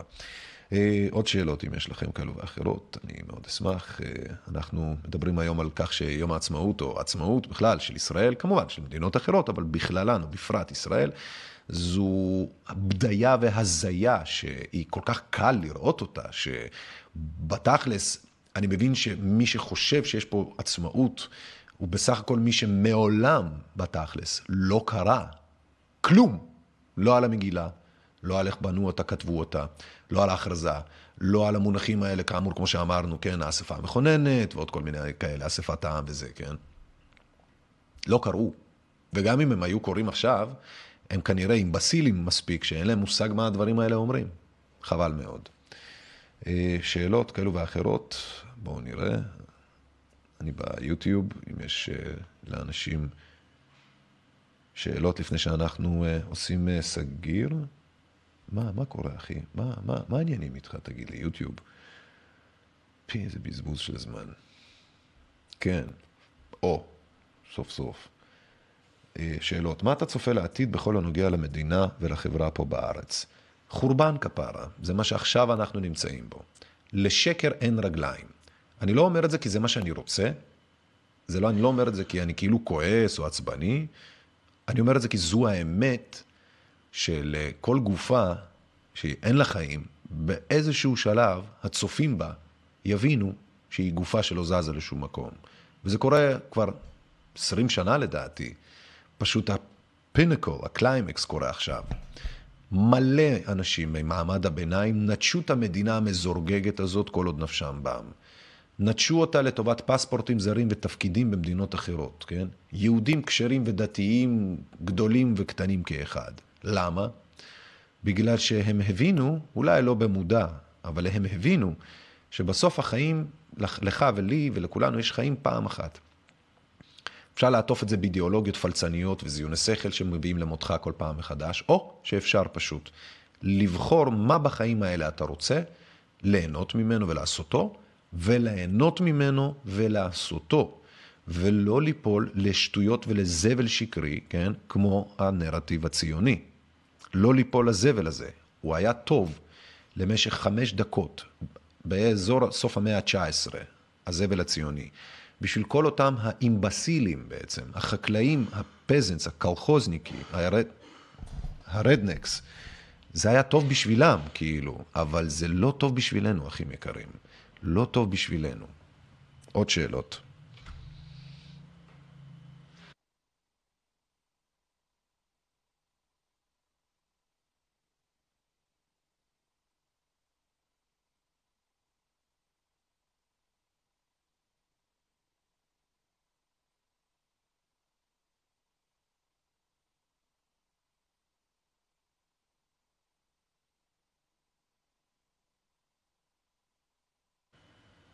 עוד שאלות. ההמנון, אני אישית אף פעם לא התחברתי. לא בשביל משהו, אבל שמעתי יצירות יותר יפות מהזבל הזה. נקסט. אמ, אני אומרת את זה לאנשים סביבי והם מתעצבנים עליי. הם לא מבינים למה אני לא חוגגת את יום העצמאות. תראי, נעמה, בוא נשים את המונח חגיגות יום העצמאות. אה, בוא, בוא, בוא רגע נפריד מילולית, כן? כי הרבה פעמים אנחנו לא שמים לב, אבל הפרשנות מובאת במילים שאנחנו שומעים ואומרים. לחגוג, אני, אני מסתכל על עצמי בתקופה של השנתיים האחרונות, וכל הדברים שאנחנו עסוקים בהם הם מאוד עצובים וקשים. וסיבות לחגיגה אין כמעט, והן מעטות, אם בכלל. ואני חושב שבאמת, אם יש מצב או דרך, זאת אומרת, זאת ההסתכלות שלי, אם יש דרך לקחת רגע הפסקה ולנשום, אז למה לא? עכשיו, אם יש יום ספציפי שבו יש את כל הזמן והדרך והכלים וגם הזמן של האנשים האחרים, כן? ליהנות איתך ביחד, תנצל את זה, תנצלי את זה, תנצלו את זה. זאת אומרת, אני מסכים, אני גם לא בזבל הזה, אבל אני נניח מאחל חג מנגלים שמח לאנשים. כי גם מנגל יכול להיות טבעוני, יכול להיות בשרי, יכול להיות יהודי, יכול להיות רוסי, נוצרי, סלאבי, זה לא משנה. מנגלים כולם אוהבים, וזה בדיוק מה שזה, זה חג מנגלים, נטו. כלום, חג מנגלים ופלסטיק, דגלי ישראל פלסטיק שזרוקים בכל עבר, וזה לא מעניין את התחת של אף אחד. אגב, לא מזמן מישהו השחית דגל והוא נעצר על השחתת סמל מדינה, ויש סעיף כזה, בעוד למעשה שני שליש, אם לא יותר, של הישראלים ביום העצמאות, או בשבוע של יום העצמאות ויום הזיכרון, הם משחיתים את הסמל הזה, בטעות, אבל הם משחיתים אותו, אחו שרמוטה, כן? הם זורקים את הזבל הזה לכל מיני מקומות, זה נופל וזה זה, והם דורסים אותו, נוסעים עליו, דורכים עליו, בטעות עליו, לא מעניין, זה לא מעניין אותם. אז ככה שאם אתם יכולים ליהנות ביום הזה בהבנה שזה בעצם סיסמאות נבובות ריקות מתוכן, ותשחקו את המשחק כאוכל אמיתי, אוקיי? סיסמאות לא, האוכל כן, אז תאכלו, תהנו, דחקות צחוקים, אני אומר. זה יכול להיות טוב. אה, האם מתוך החורבן אתה צופה תקומה מחדש של המדינה בצורה אחרת שמיטיבה עם האזרח הקטן? בכנות אומר, אני חושב שאנחנו הולכים לחורבן של הטבע בין היתר, ואיכשהו יש מין סימביוזה יפה אפילו, בין החורבן האנושי שהגענו אליו, בהגזמות, בכל הכיוונים, אנחנו מגזימים בכל דבר, לזה שהטבע מגיע לסופו, לא לסופו, אלא לפרק חדש שבו בעצם זה יהיה כל כך אלים, או כשזה קורה זה כל כך אלים, שזה מייצר, או אם תרצו, סוגר ציוויליזציות ופותח ציוויליזציות מחדש.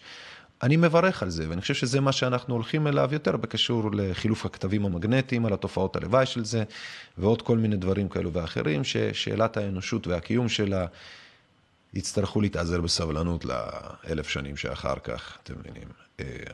זה יפה בפני עצמו, זה מאוד יפה. השילוב של השניים. מה שנקרא, ויעשו קרה בעיני השם, כן, ואז הוא יורק קצף, מתעצבן, ומחריב פה את הכל. יש עוד סיבה לעזיבת הבריטים, בנצי כותב, והיא האילוץ לעזוב את הודו בגלל משבר כלכלי ובגלל לחץ אמריקאי. אתה צודק בזה שהמחתרות היו הדבר האחרון שגרם לעזיבתם. בנצי, תודה לך, אחי. אני בטוח שזה לא היה, זאת אומרת, אני אגיד את זה אחרת. הסיבה שאמרתי שצריך להסתכל על אותה התקופה של המודרנה שהתפתחה, זה בגלל שהיא כללה התפתחות של אידאות. כן? כמו נניח תורת, ה, אה, תורת הגזע, התפתחות טכנולוגיות אחרות, כמו טלפון, רדיו ועוד כל מיני כאלה דברים וזה, ובאמת, סך כל ההתפתחות הזו הביאה את אה, אנגליה לסופה, את האימפריה הבריטית לסופה. ומהניסיון של אימפריות זה שניהול של מדינות אחרות בהכרח פוגע ביכולת שלך לנהל את ה... הבית הפרטי שלך, הממלכה הבריטית באנגליה, אה, לונדון וכל מיני כאלה. אז בוודאי שבגדול, אנגליה של אז היה לה את הרעיון של מינימום, או אם אפשר לצמצם לוגיסטיקות, כדי אה, אה, שזה לא יפגע בעוד כל מיני דברים אחרים וזה, ואם אפשר לעשות, לשלוט במקום, אבל בפרוקסי, מרחוק מה שנקרא, הכי טוב. ומבחינה מודרנית, מלחמת העולם הראשונה, קריסת, אה, קריסת הכלכלה של 1929, אה, ועוד כל מיני דברים שקרו, כולל מלחמת העולם השנייה כמובן, הם היו מעשים מכוונים של אותן אליטות, אוקיי? שרבים קוראים להם היום בשמות הזויים ומוזרים, אין צורך לתת להם שמות הזויים ומוזרים, הם בני אדם, כמוכם וכמוני, שפשוט, מה, מה לעשות, נולדו בפרמטרים אחרים ושונים, אבל יש להם את אותן השאיפות כמוכם, שבאות לידי ביטוי פשוט בצורות מאוד חולניות, כן? אז בקיצור, הם עשו מלחמות והקרסות ועוד כל מיני כאלה, כדי לייצר מצב של מדינות ולאומים, שבעצם, אם תרצו, במקום לשלוט בעבדים באופן ישיר ולהיות האחראי על הכלכלה שלהם ועל הדיור שלהם ועל העניינים שלהם, שיזדיינו ויתכבדו ויעשו את זה בעצמם, ואם יהיה להם תלונות וכל מיני כאלה, שיתלוננו על עצמם, בעוד את התוצאות, אם תרצו יותר נכון, את התפוקה של מה שהם מייצרים ועושים, אני לוקח כפרוקסי מרחוק, בלי שהם אפילו יודעים שזה אני. תאגידים במקום בעלי עבדים. נראה יותר טוב, יותר לגיטימי. גאוני, וזה מה שהבריטים עשו. הפכו את עצמם יותר לישות משפטית תאגידית ששולטת באופן מרוחק על כל מיני ממלכות, ביניהם אוסטרליה ועוד כל מיני כאלה, בלי הצורך באמת להיות שם כנוגש עבדים מצרי. גאונות. ועשו את זה לישראל, כמובן ישראל בלעה את הפיתיון ובן גוריון אכל סרט כאילו הוא פה איזה מצביא דגול גדול, שאשכרה הביא פה לאיזה הישג ולא הגישו לו אותו על מצע של כסף והוא בלע אותו כאחרון האבלים. אמ, אתה אומר שאידאות יכולות לפרק קולוניות? לא. אידאות לא יכולות לפרק קולוניות, נשמה שלי. מה זה אידאות יכולות לפרק קולוניות? קולוניה, אוקיי? אין לה, אין לה שום זכות משל עצמה, אוקיי? היא משהו ש... כמו בובה, אוקיי? אתה לא, מה זה אידאות יכולות לפרק קולוניות? אם פיזית אתה בא ומרביץ להם, כן? כאילו, לא יודע, כאילו, קולוניה היא משהו שהוא נשלט, כן? אידאות, אם הבריטים מחליטים לעבור משליטה ישירה לשליטה עקיפה, אוקיי? אתה בעיניך או בעינינו, זה פירק את הקולוניה, בעוד מבחינתם הם עשו רק טרנספורמציה, זה הכל. כמו לעשות outsourcing. זה לא הודי שמדבר איתך, למרות שהוא בהודו והוא מדבר הודית, אלא זה מישהו שעובד מייקרוסופט. אה? הגיוני, אה? אמ, עוד שאלות, חברים. אם אתה לא ציוני, אז מה אתה? שאלה מטומטמת, גולן, נשמה שלי. שאלה מטומטמת כפרה עליך. מה זה קשור? אני איליאן, אתה גם יודע את זה. אם אתה לא יודע את זה, תרשה לי רגע. הנה, זה איליאן, בבקשה, שיהיה לך יותר קל. אני בן אדם קורא, אני בן אדם מטיל ספק, אני בן אדם. אתה מבין? אם אתה קורא לעצמך ציוני בעיניי, כן? אז אתה קודם כל אהבל. אתה בן אדם שניתן לקרוא לו אהבל. בעצם אין לך דעה משלך, אתה האצלת אותה בעקבות מיליון ואחד התניות כאלו ואחרות, סביבתיות, חברתיות, כאלו ואחרות, מתוך נוחות עולב, לא יודע. וברגע אחד, כאילו, כשהם שואלים ומסתכלים על הדברים האלה, אין לזה שום אחיזה במציאות. אז מה, למה כן יש אחיזה במציאות? לעובדה שאתה בן אדם על כל המשתמע מזה, חמשת המ"מים לצורך העניין, כן?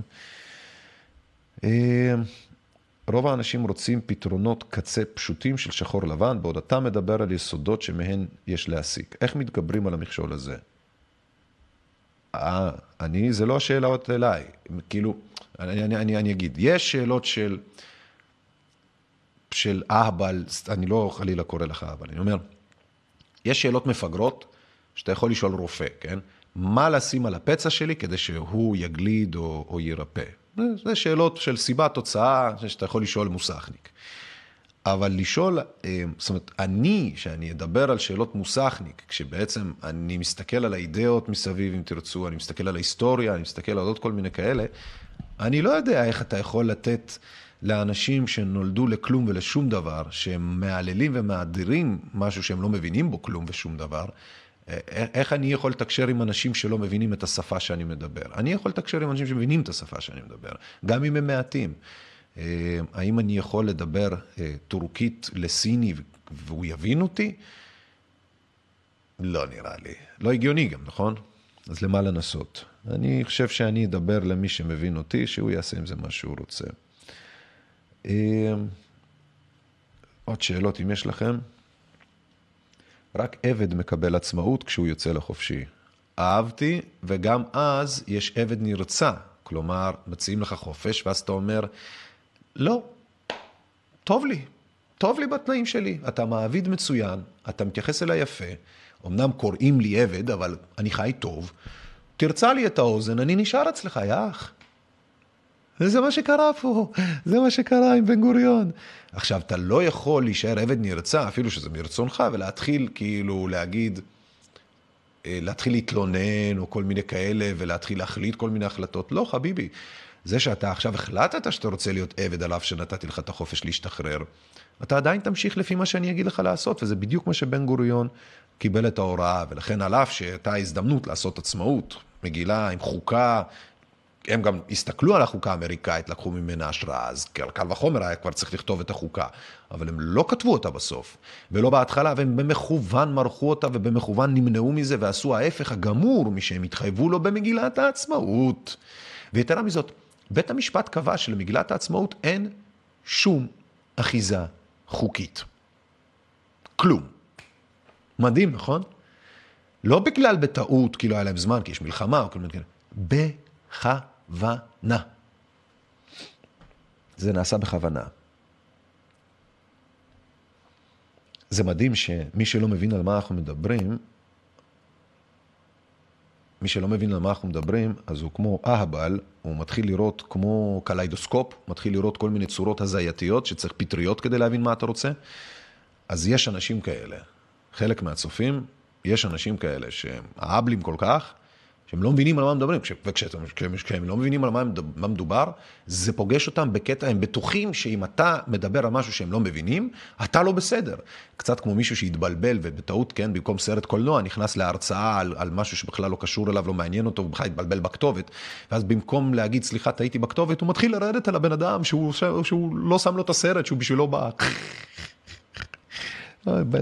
הדיביל אפטות בלדל ביובף. כן. אה, דברו אלינו. תאריך עברי הוא תט"ז בכסלו תש"ח. אין קשר ליום העצמאות שחל בה' באייר תש"ח. אוקיי, תודה. לא יודע למה, למה זה מתייחס, אבל תודה. אה, עוד שאלות אם יש לכם. עוד שאלות. בעבר הייתי אוהב לתלות את הדגל על האוטו, ובשנתיים האחרונות אין חשק, אחרי שהתעללו במשך שנתיים באזרחים, במה בדיוק יש להתגאות.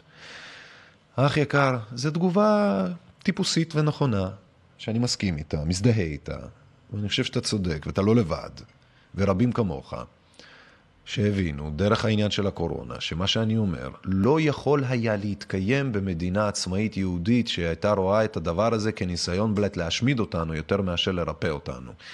ויהודים שמכירים את התחושה ואת ה, את ה, את המציאות הזאת של השמדה ועוד כל מיני כאלה, כן? הם לא היו נותנים לזה להתרחש. אבל יש משהו גם אבסורדי. היהודים שלמדו על ההשמדה, נניח, של יהודי אה, מזרח אירופה, מלחמת העולם השנייה וזה, קלטו שהם כזה, היו את האלה שהזדעזעו והיו את האלה שהסתכלו על זה ואמרו, וואו, עבד להם טוב לגרמנים האלה. פש, איזה מיזם. יש גם כאלה. יש גם כאלה. יש גם כאלה. אז תקומה מתוך החורבן, לצערי, לא יהיה. ואני לא אומר את זה כפסימיות, אני אומר את זה כי מבחינה היסטורית, חורבן, אתה לא יכול להשאיר את, ה, את הכל כמו שהוא, ואז לעשות פוס משחק ולהחליף הכל מחדש ולהמשיך כאילו כלום לא קרה מחדש. זה לא יכול להתרחש, זה לא, אין, זה, מחיר, לא שילמנו את המחיר עדיין.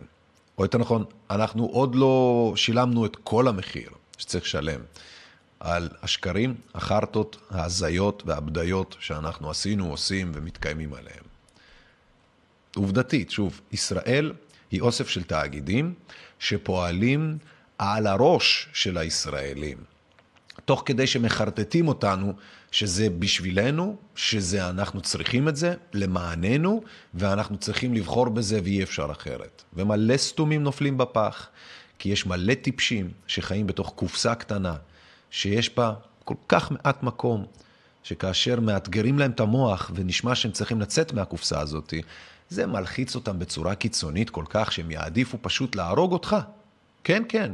הבן אדם, האזרח, היושב בציון לידם, היהודי היקר שהם היו פעם קוראים לו אח וכל מיני כאלה. אין להם שום בעיה עם זה. העיקר שאתה תפסיק להתקיים, ולא הסרט שהם חיים בו. שזה מדהים אותי. זה מדהים אותי. אנחנו עבדים, ברור, הרי מה, אתה לא תרד על התאגידים המזדיינים האלה? לא, תרד על מי שנמצא לידך, דומה אליך, מדבר כמוך, זה רק בגלל שהוא לא מחוסן, או רק בגלל שהוא fucking ערבי, או חרדי, או כל מיני כאלה. זה המדינה של העצמאות שעליה התכוון בן גוריון. הטמפית הזה לא יכול היה, לא יכול היה להיות מלכתחילה את הזבל שהוא דיבר עליו. זה פשוט לא הגיוני. הנה, הקראנו לכם את המגילה. היא חור, היא גבינה שוויצרית. שארית הפליטה שניצלה מהטבח, סתם אקראית פסקה ממגילת העצמאות. שארית הפליטה שניצלה מהטבח הנאצי האיום באירופה, ויהודי ארצות אחרות לא חדלו להעפיל לארץ ישראל על אף כל הקושי, מניעה וסכנה, ולא פסקו לתבוע את זכותם לחיי כבוד, חירות ועמל ישרים במולדת, במולדת עמם. חרטוט שלא מהעולם הזה. חרטוט שלא מהעולם הזה. רוב היהודים שהגיעו לישראל הגיעו לכאן כי מישהו או משהו הכריח אותם. לא מבחירה אישית ישירה, אידיאולוגית, יהודית כזאת או אחרת. הרוב המוחלט של היהודים הובאו לכאן בגלל שפשוט הביאו אותם לכאן. בין אם על ספינות, או בין אם ברכבות, בין אם ילדי טהרן, או בין אם ילדי, אה, לא תימן, אה, ילדים אחרים מהבלקן. לא עניין אותם המקום החור תחת הזה, זה קשקוש החולמניוקים. אה, ועוד דבר, שארית הפליטה שניצלה מהטבח הנאצי, אה, סליחה שאני שואל את זה, כן? שארית הפליטה שניצלה מהטבח הנאצי. על מי אתה מדבר, כפרה? מי אלה? מי אלה? ההומוסקסואלים? הצוענים? שגם הם ניצלו מהטבח הנאצי? על מי אתה מדבר, כפרה עליך? אתה כמה אנשים ניצלו? אתה מדבר על שארית הפליטה של מה? של היהודים?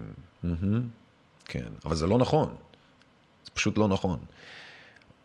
מה עוד הוא כותב? אה, זוהי זכותו הטבעית של העם היהודי להיות ככל עם ועם עומד ברשות עצמו במדינתו הריבונית. אז במילים אחרות, הפסקה הזאת קובעת שמדינת ישראל היא מדינה יהודית בלבד. נטו. המילה דמוקרטית אפילו היא קללה ליהדות במדינה. היא לא רק קללה, היא בעצם אנטיתזה, kryptonite לסופרמן. כזו שמפריעה לקיומה של המדינה היהודית. אותה הדמוקרטיה, כי הרי אם זוהי זכותו של העם היהודי להיות ככל עם ועם, עומד ברשות עצמו במדינתו הריבונית, אז הדרוזים, הבדואים, הערבים, כל הלא יהודים שיש כאן, אה, בנוסף, עומד ברשות עצמו? אה, מה, מה פה בדיוק ברשות עצמכם, סליחה? מה יהודי במדינת היהודים שלך, בן גוריון? ביום ההכרזה, מה היה יהודי? הבגדים הבריטיים שלך כפרה עליך? הנשק הבריטי שלך? השלטון הבריטי שישב לך על הרס? אתה מבין את האבסורד כפרה עליך? אתה לוקח עוגייה בריטית, עוטף אותה בדגל ישראל, ומשקר לנו להאמין שאתה יצרת את המוצר הזה בעצמך. בעוד לקחת מוצר של מישהו אחר, גנבת לו זכויות יוצרים, עטפת את זה בחרטא, ואמרת לי, חדש, מקורי שלך, המצאה שלך. חרטא. חרטא, נשמה שלי, זה בספרות נקרא plagiarism, אתה בעצם גונב, אוקיי? טקסט, ויש לזה אפילו סימוכין, כן?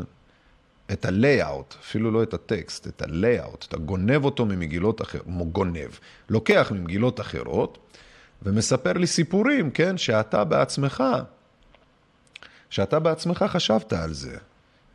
בבקשה, פה לפניכם, זה הכל ויקיפדיה, כן, בוודאי. הכרזת העצמאות של ארצות הברית מימין זה טבלת השוואות, כן? במגילת העצמאות של ישראל. זה רק כדי להראות לכם חמישה חלקים שהם כותבים פה, שהם נלקחו מהאמריקאים ליהודים. מה, מהזה של האמריקאים לזה של ישראל, אוקיי? אתם רוצים להגיד לי, עומד בפני עצמו, מה? למה אתה ממציא שקרים והזיות ובדיות כפרה עליך? לפיכך נתכנסנו אנו, חברי מועצת העם, נציגי היישוב העברי והתנועה הציונית, ביום סיום המנדט הבריטי על ארץ ישראל, ובתוקף זכותנו הטבעית וההיסטורית, ועל יסוד החלטת עצרת האומות המאוחדות, אנחנו מכריזים בזאת על הקמת מדינה יהודית בארץ ישראל. אתם קולטים שמה שהם מכריזים פה, הם מסתכלים מילולית ומשפטית, וגם אולי תנכית, על מה שהם אומרים פה, בעצם הם, הם, הם מקימים מדינה בתוך ירושלים, שהיא ירושלים, והם קראו לה ישראל. או אם תרצו, כפריים לא ברורים השתלטו על ירושלים, שהיא ממלכת יהודה, ותקעו בה דגל ישראל, והחליטו שירושלים היא ישראל. ועוד הם החליטו אה, שהם מקימים מדינה יהודית בארץ ישראל. זאת אומרת, סורי לערבים, לבדואים, לכל מי שהוא לא יהודי, המקום הזה הוא מעולם לא היה בשבילכם. לא רק זה, אלא למה מדינת ישראל עושה ההפך מהיותה מדינה יהודית? אם את מדינה יהודית, את צריכה לבעוט החוצה את כל הערבים, ללא יוצא מן הכלל. לא כי זה מה שאני רוצה שיקרה, אלא כדי שתבינו מה ההיגיון אומר, כן? וירושלים, ללא יוצא מן הכלל, לא יכולה להיות עם חומה באמצע, למרות שהיא עם חומה באמצע.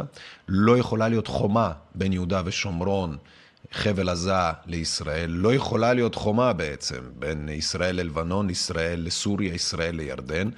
אה, לא שיש, כן? אבל חלק יש.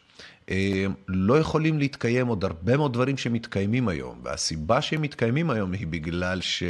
זאת אומרת, הסיבה שיש חומה בירושלים, שאין לנו שום דבר שהוא יהודי וכל מיני כאלה, היא בגלל שאנחנו לא מדינה יהודית בשום ארץ ישראל ובשום נעליים, אנחנו אסופה של עבדים בתאגידים כאלו ואחרים ששיקרו לכם ולנו בצורה מוצלחת, החולמניוקי, בימים שבהם לא הייתה לנו שום נגישות למידע ולעולי אינטרנט, כדי להטיל ספק ואו להפריך את הזבל שאמרו לנו.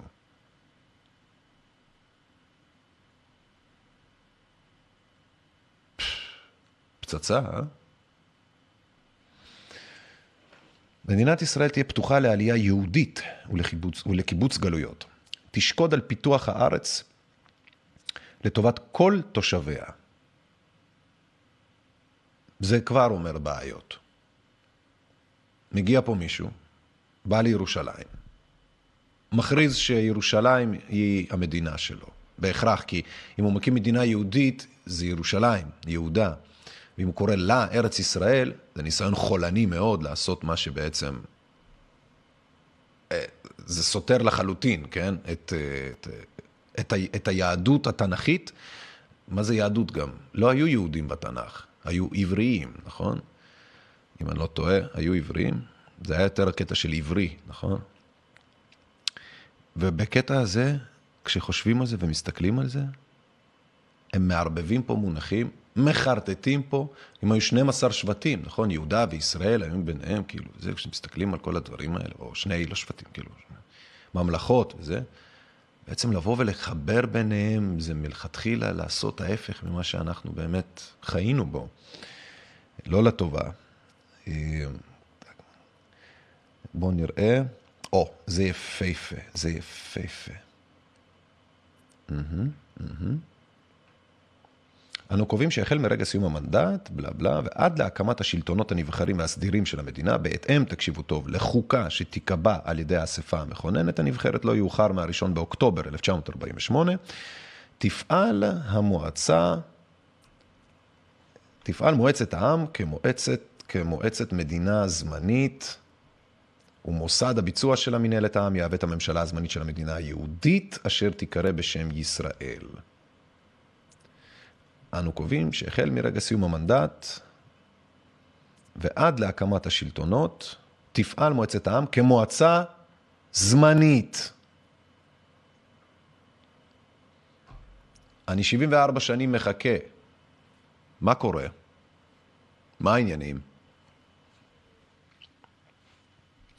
אני רוצה להגיד תודה ענקית, תודה רבה לאנשים שעוד איתנו. אני רוצה גם להגיד לכם שדברים משתנים ועוד כל מיני. אתם רואים את זה. בהתאם, אני מודה לכם על הסבלנות שלכם בין לבין. אמ, אתם מוזמנים לכתוב, אתם מוזמנים לתמוך. אמ, הכל הוא בירידה טוטאלית עכשיו, נוראית וזה, אבל uh, זה לא משנה, אתם רואים, אנחנו פה, עושים את, ה... עושים את התחושות שלנו, מה שנקרא, מדברים את התחושות שלנו בקול, נותנים להן דרור, וכל עוד אפשר, עושים. אז אני רוצה להגיד תודה רבה לכם, תודה לכל האנשים הטובים שמפרידים את המוץ מהתבן ומבינים את המשמעויות של הדברים ולא נתפסים עכשיו לכל מיני, האם אני שחור עם זקן או בלי זקן, האם אני דומה להם לערבי או לא, וזה פתאום נראה להם כאילו מה שאני אומר הוא, אה, לא יודע מה, פלישתי וכאלה. יש הרבה אבלים וטמבלים שם, שלא מקשיבים למסר כי אין להם מושג, לא בעברית, לא בהבנת הנקרא, לא בלשון, אין להם גם יכולת אינטרנטית תקשורתית. הם נטו טמבלים שכאילו שומעים סיסמאות וישר כאילו קופץ להם הפיוז, וזה אבלים כאלה לא חסר. אבל אני רוצה להגיד תודה שלמרות, באמת, תודה לכם, שלמרות כל אותם האבלים, אתם פה, אתם איתנו, ביחד. כותבים, מגיבים, משתפים. אני מאוד מודה לכם על זה. זהו, כאמור אמרתי, לא, אני קצת לא בשיאי, ולכן... אה, הימים הקרובים יהיו מאתגרים ומעניינים לא פחות.